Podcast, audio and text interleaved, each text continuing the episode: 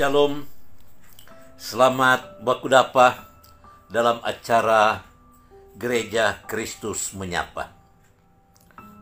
Dalam Matius pasal 4 ayat ke-19, Matius 4 ayat 19, Tuhan Yesus berkata, Mari, ikutlah aku, kamu akan kujadikan penjala manusia.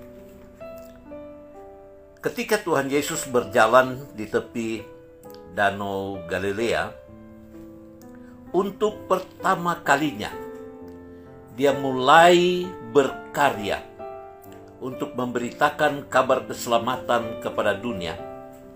Dia memilih empat orang murid, yaitu Simon yang disebut Petrus dan Andreas saudaranya. Kemudian Yakobus dengan Yohanes, kakak beradik, anak-anak Sebedius. Lalu dia berkata, "Mari, ikutlah aku. Kamu akan kujadikan penjala manusia." Di tengah profesi sebagai nelayan, Tuhan Yesus mau panggil mari untuk mengubah paradigma, mengubah orientasi berpikir, mengarahkan kehidupan mereka bukan kepada materialis semata-mata.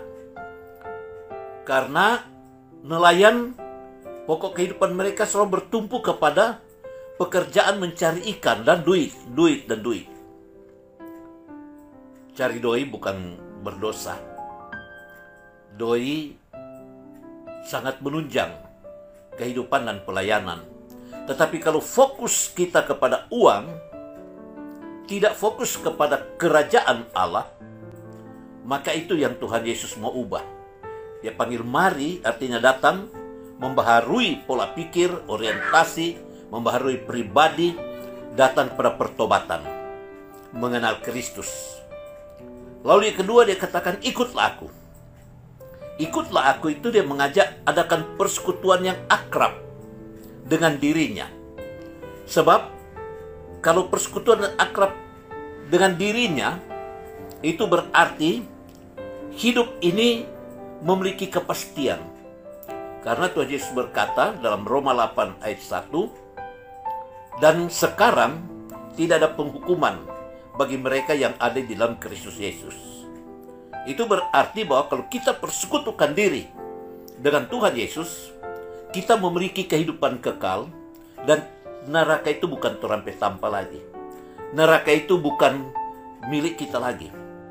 Karena kita sudah dipindahkan daripada maut kepada hidup, dari neraka ke sorga. Yohanes 5 ayat 24. Lalu kita diajak bersekutu dengan dia dalam membaca Alkitab dan berdoa. Karena di situ kita mengenal dia lebih dekat lagi. Baru yang ketiga, ikutlah aku. Kamu akan kujadikan dan kujadikan panggilan pembentukan diproses supaya kita ini menjadi lebih bermakna. Dalam menjadi proses tidak menyenangkan pasti. Kehidupan yang berproses selalu diikuti oleh kesusahan, selalu diikuti oleh penderitaan. Proses itu artinya masa di mana kita dibentuk, dipoles, dikikis, digurinda untuk karakter-karakter yang kurang baik diperbaiki menjadi baik. Itu pembentukan. Lalu kemudian Tuhan bersikut, eh, mari ikut laku, kamu akan menjadikan penjala manusia. Setelah paradigma kita diubah, orientasi berpikir kita diubah dari materialisme ke kekal kehidupan kekal. Dari diri sendiri kepada dunia orang lain. Keselamatan bagi orang lain. Lalu kita diminta supaya kita kuat iman kita dewasa bertumbuh dekat dengan Kristus, maka kita diajak bersekutu dengan Dia dan menjalani proses pembentukan siap tabah buanglah segala kekhawatiran, ketakutan, ke, eh, kekecewaan dan pandanglah bahwa di balik dari proses setelah kita selesai diproses ada berkat-berkat yang datang. Jadi berkat itu akan mengeringi proses.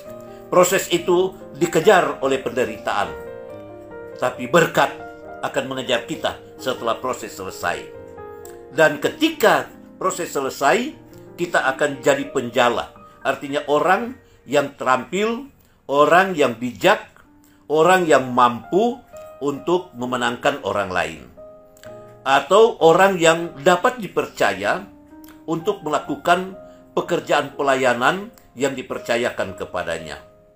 Siapkanlah diri kita untuk diproses supaya kita disempurnakan di dalam kasih karunia-Nya.